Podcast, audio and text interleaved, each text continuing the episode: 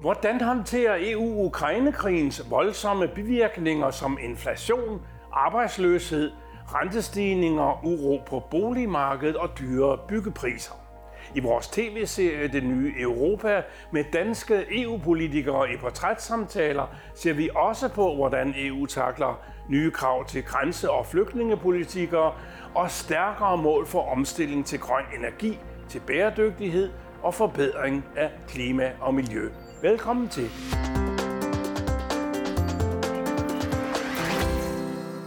Og velkommen også til dig, Marianne Vind, øh, medlem af Europaparlamentet for Socialdemokraterne. Dit hjerte banker for udvalget om beskæftigelse og sociale anlæggende, og også transport- og turismeudvalget. Hvad vil du bruge øh, dit engagement til her? Jamen altså, jeg kommer jo selv fra fagforeningsverdenen, og det er der, mit hjerte banker, det er det gode arbejdsliv. Øh, alle danskere, alle europæere har ret til et godt arbejdsliv, et sundt og sikkert arbejdsliv, øh, og også i transportsektoren. Og Jamen, beskæftigelsen, den er jo truet. Det er transporten også i en tid med, med Putins krig i Ukraine, ikke? Men I fortsætter ufortrødent jeres arbejde. Hvad er det, vi skal? Skal vi øh, beskytte den danske model? Ja, altså, øh, den krig, øh, på en måde kom den jo ind for højre, og på den anden side, så har vi sådan set vidst i flere år, at det ulmede. Øh, men, men en ting er sikkert, det har forandret rigtig, rigtig meget. Selvfølgelig kører vores daglige arbejde videre fuldstændig som altså efter skemaet med de lovting, vi skal arbejde med. Og så samtidig er der jo kommet ting ind for højre, øh, krigen har påvirket. Altså jeg kan huske noget af det første, vi, vi begyndte få, der for et år siden, da krigen, øh, da, det, da det gik løs derovre, og vi så flygtningestrømmene, det var jo for eksempel transportudvalget, vi skulle forholde os til, øh, hvordan vi kunne få sikret øh, transport af flygtningene ud af Ukraine og igennem Europa, ud til de lande, de skulle bo i den næste lange tid måske. Øh, og der var det jo, at, at der kom gratis tog igennem Europa for flygtningene, men også bare det med, at de kunne komme igennem. Der var jo ikke alle, der havde pas. Nogle flygtede jo over hals og hoved. Så, så vi, vi fik i transportudvalget en hel række opgaver lige med det samme. Og inden for, hvad skal vi sige, beskæftigelse og sociale anlægner, der er der også store udfordringer. Selvfølgelig med, med krigens følger, men også med, med, skal vi sige, den daglige drift og øh, Europas fremtid. Øh, mange er optaget af mindsteløn for eksempel, og øh, den er du imod. Det må du gerne lige kvalificere. Ja, og, og det er jo det, der det godt kan lyde lidt mærkeligt, fordi det burde jo være helt logisk, at en bund under lønnen, så ikke nogen, der kan tjene mindre, det må være et værn mod social dumping. Altså at der kommer andre fra for eksempel Østeuropa, øh, accepterer en lavere løn, sådan så at danskere eller svenskere eller tyskere ikke kan få det til at løbe rundt, hvis de skulle have den samme lave løn. Altså det der er social dumping. Øh, så burde en, en bund under løn jo være en fordel. Men, men 21 lande i Europa har jo i en del år haft deres egen nationale mindsteløn. Og den har ikke hjulpet nogen. Altså, jeg har ikke fundet et eneste godt eksempel på, at den har løftet. Øh, jo, måske en lille gruppe, men til gengæld er der jo mange, mange millioner europæere, der kommer ned og tjener den mindste løn. Og det kan man ikke, man kan ikke finansiere et families liv på en mindsteløn nogen steder i Europa. Så modellen virker ikke. Alle de 21 lande har haft mulighed for at hæve deres mindsteløn. Det har de ikke ville. Øh, og vi kan se, i Tyskland i dag er det jo øh, mellem en fjerdedel og femtedel, altså 20-25 procent af det tyske arbejdsmarked, der tjener så lidt, så de faktisk får støtte fra staten, fordi de tjener for lidt til at kan leve af det. Og så må man sige, så er mindsteløn-modellen jo en fiasko, og derfor ønsker vi den jo ikke. Men hvad er det så, at du gerne vil have udbredt til hele EU af det danske system og det, den danske forhandlingspraksis mellem øh, arbejdsgiver og arbejdstager? Hvad, hvad er det, der er så godt, som skal videre ud i Europa? Det, det er jo faktisk endnu større end det, fordi når jeg kigger på mine kollegaer i parlamentet, så er der jo mange fra, fra lande, både i Sydeuropa og Østeuropa, øh, hvor der jo virkelig er, er fattigdom. De drømmer jo om at få de nordiske landes velfærdsstater. Altså gratis skolegang, gratis sundhed, øh, hele den der pakke, som vi jo lidt tager for givet hos os, den drømmer de jo om. Men, men den er jo ikke kommet dumpende ned fra himlen som et lovforslag i Folketinget. Den er jo kommet igennem 100 års overenskomstforhandlinger. Nu har vi jo en vinter her med overenskomstforhandlinger på det private arbejdsmarked, som jo giver ekstra i lønposen. Og det betyder jo for hver gang igennem de her 100 år, der kommer ekstra i lønposen, har der kunne betales mere i skat. Og mere i skat betyder mere velfærd. Så man kan, jo ikke, man kan jo ikke bare plukke dele ud, som jeg har kollegaer i parlamentet, der drømmer om. Vi skal bare lave lovgivning, der gør, at vi får de ting, man har i Norden. Det kan, man kan ikke bare plukke. Man bliver nødt til at tage hele pakken. Og det betyder også at betale mere i skat. Det betyder også at have vores flexicurity, hvor man kan blive hyret øh, og fyret på arbejdsmarkedet. Øh, og så er der et sikkerhedsnet, der hedder dagpenge, der hjælper. Hvor vi jo har andre lande i Europa, der, når du først er ansat, så er du livsvarig ansat. Jamen, så kan virksomheden ikke give op og ned. Og det er jo det, der kan udvikle en virksomhed. Det er derfor, at virksomheden Norden har klaret sig så godt. Fordi de kan jo tage imod nye ordre, uden at være bange for, at de ikke kan komme af med de ansatte, de ekstra tager ind. Så hele den her pakke, man kan ikke bare plukke noget af det, man bliver nødt til at tage det hele med. Og medarbejderne i de nordiske lande har så kun været trygge ved, at man har skole og sundhed, hospital, hospitalsikring og øh, arbejdsskader og så videre, som, som betalt. Og derfor betaler vi måske lidt mere i skat end det, det øvrige Europa. Ikke? Men den danske model er også truet. Ikke? Altså, vi så jo under coronatiden, at øh, regeringen greb ind og stoppede overenskomstforhandlinger. Og øh, ja, nu er der debat om andre ting, for eksempel Store Bededag, som også er, er øh, på vej til at blive afskaffet ved et regeringsindgreb, kan man vel ja. godt kalde det. ikke? Så som øh, ja, vel måske både øh, fagforbund og også arbejdsgiver er betænkelige ved. Øh, fuldstændig rigtigt. Men det er stadigvæk den bedste model. Altså, når jeg kigger ud over ikke bare Europas 27 lande, men, men hele verden, jeg har ikke fundet en arbejdsmarkedskontra øh, eller koblet på en velfærdsmodel, der er lige så god som den model, vi har i Norden. Det er jo ikke kun Danmark, der har den model. Den samme model er jo i de andre nordiske lande med overenskomstforhandlinger og øh, gode lønninger og gode arbejdsvilkår, der gør, at vi kan betale mere i skat, og vi kan få velfærdsstater. Det er jo ikke sådan, så at hvis, øh, ligegyldigt hvilken regeringsfarve vi har i Danmark, så er der jo en grundlæggende ønske om blandt befolkningen, at vi har en velfærdsstat. At der, er jo ikke, der er jo ikke nogen, der går til valg på, at vi ønsker at privatisere hele sundhedssektoren, hele skolesektoren. Det kommer man jo ingen vejen med i Norden. Det ønsker vi ikke. Vi ønsker jo velfærd. Og den model, der bliver bygget op omkring arbejdsmarkedet, den findes ikke bedre andre steder. Det er den bedste model. Så er der masser af steder, man kan sige, der halter den, der halter den, og der er et problem. Men det er stadigvæk den bedste, vi har. Okay, og vi skal vel måske lige huske til for, at du har vægt bag din ord fra øh, formandskab som for Danske Hospitalslaboranter, tidligere fagforeningsformand, og så har du en, fra 2011 til du blev valgt i 2019 til Europaparlamentet, været næstformand i HK Privat. Det har jeg, ja. ja. Så øh, nu står vi så her med en krig, der ændrer nogle spilleregler, og jeg kan spørge lidt avanceret. Øh, håber du, ligesom jeg, at øh, transportudvalg og turismeudvalg, de får med andet, og flygtninge gør i fremtiden, stopper krigen, så vi kan få normal turisme? Ja, det, det, det gør den på et eller andet tidspunkt. Øh, ja. men, men nok et andet sted også, hvor, det her, hvor vi er blevet meget påvirket, øh, det er jo hele vores øh, energiforsyning. Altså, vi vil jo alle sammen af med russisk gas, men det har jo også betydet, at oliepriserne er blevet presset op, benzinpriserne er presset op, øh, og hele den omstilling, vi gerne skulle have, hvor vi går over til grønt brændstof, elbiler, øh, elfærger, øh, grønt brændstof i fly osv., den er der blevet sat turbo på, hele den proces, fordi vi skal jo virkelig frigøre os for, for de sorte brændstoffer, øh, både fordi Putin skal ikke tjene penge på det, vi skal ikke finansiere en krig med det. Så, så hele den grønne omstilling i transportsektoren har virkelig fået vind i sejlene. Apropos, øh, der bliver ovenikøbet eksperimenteret med på de helt store øh, øh, containerskibe, der sejler over Atlanten og Stillehavet, der bliver eksperimenteret med sejl. Der bliver eksperimenteret med alt muligt i øjeblikket, for om en ting er, at man kan få grønt brændstof, men kunne vi også spare på brændstoffet? Nu vil jeg tage lidt af optimismen fra dig måske ved at sige, at Lars Løkke jo har sagt, at der kommer et paradigmeskifte i vores øh, klimaambitioner i EU og vel i hele verden. Ikke? Altså krigen øh, sætter vel klima og bæredygtig øh, omstilling lidt over i slæbegear. Både kan, ja kan vi komme i fart igen, tror du? Ja, altså både ja og nej, fordi en, en del af den her øh, udskiftning af russisk gas ja går jo ikke til gas andre steder fra, men, men øh, til grøn fremstillet energi.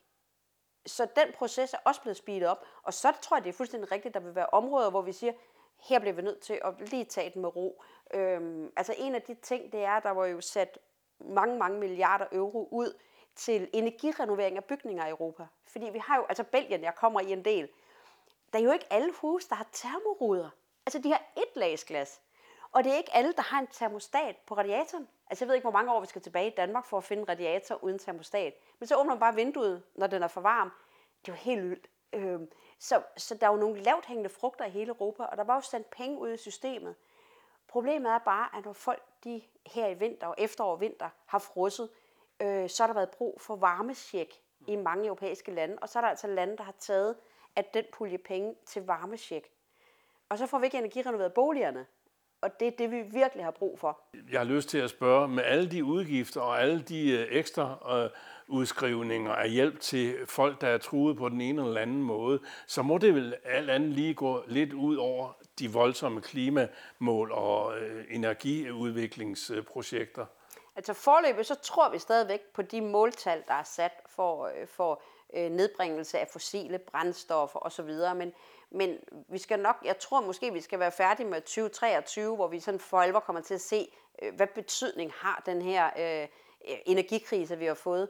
Øh, hvor mange penge kommer til at gå til varmesjek, og hvor meget kommer til at gå. For hvis vi, ikke, hvis vi ikke får energirenoveret boligerne, så fyrer vi jo stadigvæk for gråsbogene, ja. og så får vi ikke løst noget.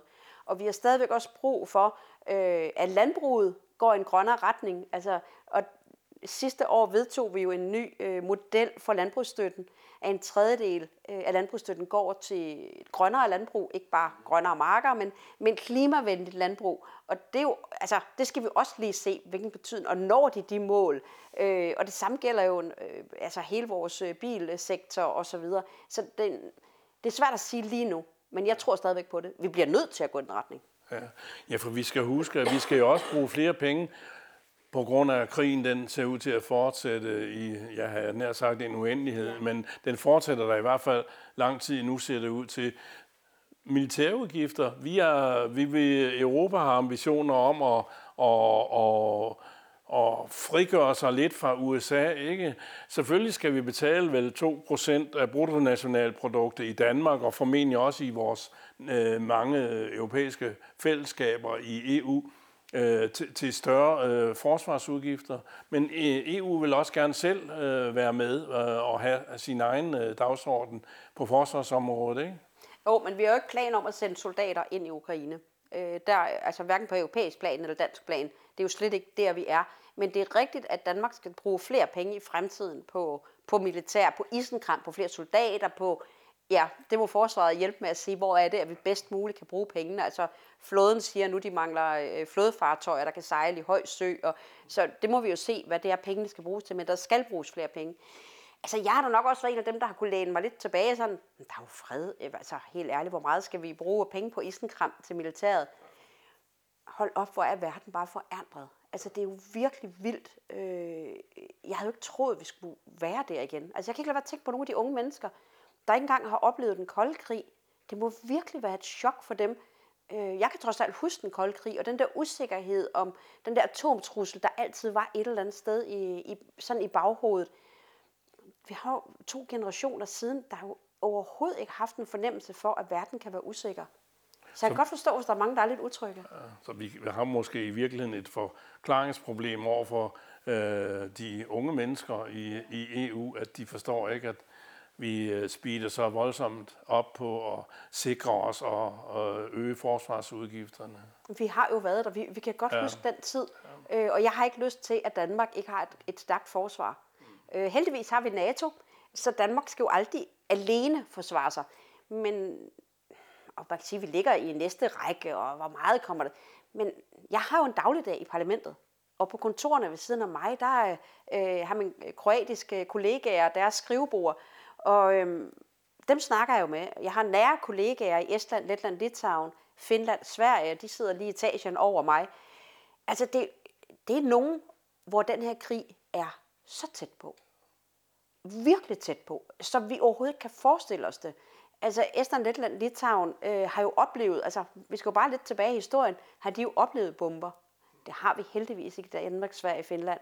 Men, men altså, det er tæt på. Vi, går lige, vi bliver lidt op i helikopterniveau, ikke? Fordi altså, øh, øh, hvad skal vi sige, at øh, udgifterne stiger øh, på, på det nationale plan, og det gør det på, på EU-plan. Og der er også øh, stadigvæk, altså der er grænsepolitik, som også skal varetages. Altså ja. EU er, er, er meget fokuseret ud over at bekæmpe krig, krigens øh, øh, dårlige ting og, og, og forsvare grænserne. Hvor står vi henne nu i den øh, nye verden, det nye Europa, som vi, vi, vi er kommet ind i øh, med øh, krigsførsel? Altså, der er flere flygtninge, der stadigvæk vil til Europa. Hvad er din holdning til flygtninge, eller slutter til grænsepolitikken? Jamen, det er virkelig, at vi har en stærk ydre grænse om EU. Ja. Øh, fordi når jeg ser ud over hele verden, det er jo ikke kun i Ukraine, der er krig. Der er jo krig mange steder i, i verden. Ja. Der er klimaproblemer mange steder i verden, så der er tørkeramt områder.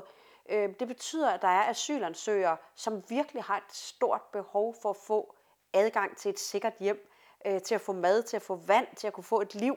Øh, og så har vi en kæmpe stor gruppe migranter, øh, som drømmer om et bedre liv i Europa, hvor, hvor historien, jeg hører, det er, at altså, at Europas gader flyder jo i mælk og honning, og man, pengene vælter ned fra himlen.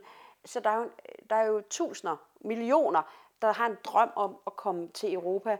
Og at den gruppe, der vil jeg hellere hjælpe asylansøgerne. Og det betyder jo, at vi har øh, FN's system, der visiterer asylansøgere, og, vi, og jeg er også bakker op om, at vi skal have udrejsecentre øh, uden for Europas grænser, som visiterer, hvem er det, der har et behov. Men så er der mange andre ting, vi skal sætte i gang. Fordi vi har jo nogle problemer med multinationale selskaber, som øh, udnytter naturressourcerne i for eksempel Afrika, uden at betale for det, uden at betale skat, øh, bare hiver pengene, ressourcerne ud. Øh, vi er jo heller ikke af den måde med til, det kunne vi godt være med til at styrke noget mere, så der er mulighed for at bygge velfærdsstater op. Så jeg synes, altså, vi har andre måder at gøre det på. Vi har også massive tolvmure over for afrikanske produkter. Øhm, at det er helt fair. Altså, der er nogle steder, hvor vi måske godt kunne kigge på og lave nogle andre løsninger. Vi skal have nogle flere virksomheder til at investere ja. i Afrika. Og ikke kun og, kinesere. Nej, godt. Og, men øh, kobler du det lige frem sammen med, at det er derfor Danmark og Storbritannien i øvrigt tidligere, nu er de ikke med i EU, vil lave flygtningelejre i uh, Rwanda? Øh, ja, det vil være en del af det. Ja.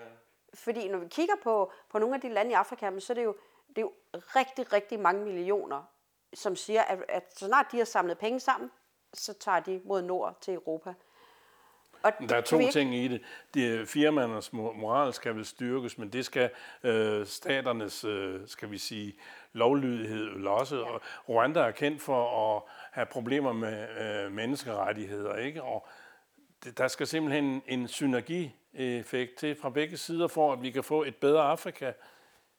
Og derfra skal Europa så vælge de flygtninge, som er bedst egnet til at komme til EU. Er det sådan? Eller har størst behov for at få hjælp. Okay. Ja. Øh, fordi når vi kigger på, på nogle af de flygtningelejre i krigszoner igennem tiden, jamen, så er det jo den grad nogle af dem, øh, som har brug for at få hjælp til et, til et godt liv. Øh, hvor andre de kommer fra, fra et godt liv, øh, men, har, men, men tror på historien om, at det hele det flyder mælk og honning. Og det gør det, og, og det gør det jo bare ikke. Hvis vi kigger på, der er jo mange, der er kommet illegalt ind i Europa, øh, på den ene eller den anden måde. Og, og mange af dem, de lever altså et kummerligt liv. Jeg kan jo se dem, altså i Bruxelles er der jo mange, der bor på gaden. Det, det er virkelig et, et uselt liv. Så heller hjælp en mindre gruppe til et bedre liv. Ja, okay. Går du ind for, at vi også hjælper dem, der ikke har råd til at betale menneskesmuglere for at komme tættere på Europa, altså kvoteflygtninge? Det havde vi før, og de, de, de var sat på pause indtil for øh, et år eller to siden, som, som jeg husker det i hvert fald. Skal vi tage dem, de øh, svage og de fattige, ja. som, som er truet på livet? Altså kvoteflygtning, FN's kvoteflygtningssystem har jo været et af de gode systemer, men problemet er jo bare, at der er kun plads. Altså hvis jeg sammenligner med nogle af mine øh, sydeuropæiske kolleger, øh, hvor landene de, de siger, at vi, vi er da bare åbne. Men hvis man kun betaler en ydelse øh, i 3, 4, 5 måneder, og så må folk klare sig selv derefter, så får man ikke et værdigt liv. Så vil jeg hellere, at vi tager en mængde, der er plads til. Jeg bor selv i en lille by øh, med 3-4.000 øh, indbyggere, og så kan man så sige, hvor mange ledige boliger har vi i vores by, hvor mange job har vi, fordi meningen er jo, at man ikke skal bo i Sandholmlejren ret længe. Meningen at man skal komme ud, få et liv, få en bolig, børnene kommer i skole, man får et job. Men der er jo en begrænsning på, hvor mange, hvor mange vi simpelthen rent fysisk har plads til. Marianne Vind, du går frisk til sagen og tror på ideen om det europæiske fællesskab hele vejen, kan jeg se. Men, Ja, både ja og nej, fordi jeg er jo ikke føderalist, hvor jeg siger, at vi skal have EU-lovgivning på alle områder. Altså, jeg er jo på den måde lidt skeptiker af de ting, nationalstaten skal klare selv, skal vi klare, men, men vi kan heller ikke undvære EU til alle de grænseoverskridende problemer. Der skal vi finde løsninger i fællesskab. Og lige nu, der vil vi gerne finde, finde en løsning i fællesskab mod Putins krig i Ukraine, ikke? Er, det i gang, er vi i gang med den syvende eller 8. hjælpepakke, som EU har bestemt? Og der vil jeg gerne ind på det, er det egentlig ikke Europa, øh, hvad hedder det, ministerråd, der, der sidder og bestemmer det her? Hvor meget har de 788 mæpper fra alle 27 lande i Europa egentlig indflydelse på de øh, pakker, vi, vi vil prøve at lave mod Rusland, som til synligheden ikke har virket ret meget endnu? Men de har virket. Altså alle de her sanktioner, det er faktisk den 10. der blev vedtaget sidste uge. Var det den 10.? Øh, ja, det er, det, de kommer sådan dub, dub, dub efterhånden, som der kommer enighed. Øh, det kan godt være, at det udad til ikke ser ud til at virke så meget. Men øh, når, når de rige i, i Rusland har fået stikket, altså fået indefrosset deres formuer, fået konfiskeret deres ejendom, øh, ja, men så kan de jo bare, de kan heller ikke bruge deres dankort længere, eller det hedder nok ikke dankort derovre, Visa-kort, Mastercard, hvad de nu hæver. Det kan de nemlig ikke, fordi at der er ikke nogen banker i resten af verden, der vil acceptere, at det bliver brugt. Øh, så langsomt kommer det her til at påvirke øh, bid for bid Rusland. Men, men jeg tror, du har fuldstændig ret. Øh, herfru Jensen på gaden i Moskva mærker ikke ret meget til det. Altså, der vil nok være nogle produkter, de ikke kan købe i supermarkederne, som de plejer at kunne købe. Øh, men, men der, hvor vi kommer til at se det på sigt, det er jo blandt andet også til, til det militære udstyr, øh, biler og, og så videre. Fordi øh, militært udstyr, i det hele taget teknik, der kommer en stor del af komponenterne jo fra Europa. Så sanktionerne tager lang tid, før vi kan se effekterne, fordi Rusland har jo også haft lager af de ja, forskellige ting. Men du tror, det hjælper på sigt? Men jamen, øh, altså, det er jo svært at se, hvad andre Ja, muligheder vi ja, har. ja. Indsæt, put masser af penge i, øh, i militær udstyr, øh, op, oplæring af de ukrainske soldater, så de bliver trænet i at bruge udstyret, og sanktioner mod Rusland. Det er absolut vejen frem. Mm. Vi talte med dig i maj 2020, der har du været et år i Europaparlamentet, ikke? Og det er en anden verden nu. Det er et nyt Europa, vi sidder i i dag, og derfor blandt andet taler vi med dig igen, ikke? Kan du vende dig til den nye dagsorden eller den nye verdensorden? Øh, der er lidt, øh, vi bliver drevet lidt rundt i managen af en, øh, en diktator i Rusland. Jeg synes, det er en trist tid. Altså, det kunne være så godt. Øh, vi, vi gik jo en meget løs fremtid i møde, og vi begyndte at få styr på klimaproblemerne, øh, men altså, det her har jo ikke gjort nogen rigere. Det har kostet rigtig, rigtig mange penge, også for helt almindelige mennesker, der har svært ved at betale øh, varmeregningen. Så, så øh, jeg synes, det er en trist tid. Altså, jeg, øh, en ting er, at jeg er bekymret, men, men jeg er faktisk ked af det. Jeg synes, det er, en, det er en virkelig trist tid, at vi skal opleve, vi er i 2023, tænk, vi skal opleve krig i Europa. Ja, det er trist. Men der er hjælpe, øh, skal vi sige, restriktioner på vej, så lad os håbe, de begynder at hjælpe. Jeg skal huske her lige til sidst at få med, øh, Marianne Vind, stiller du op om et år til genvalg til øh, Europaparlamentet fra Men det gør jeg.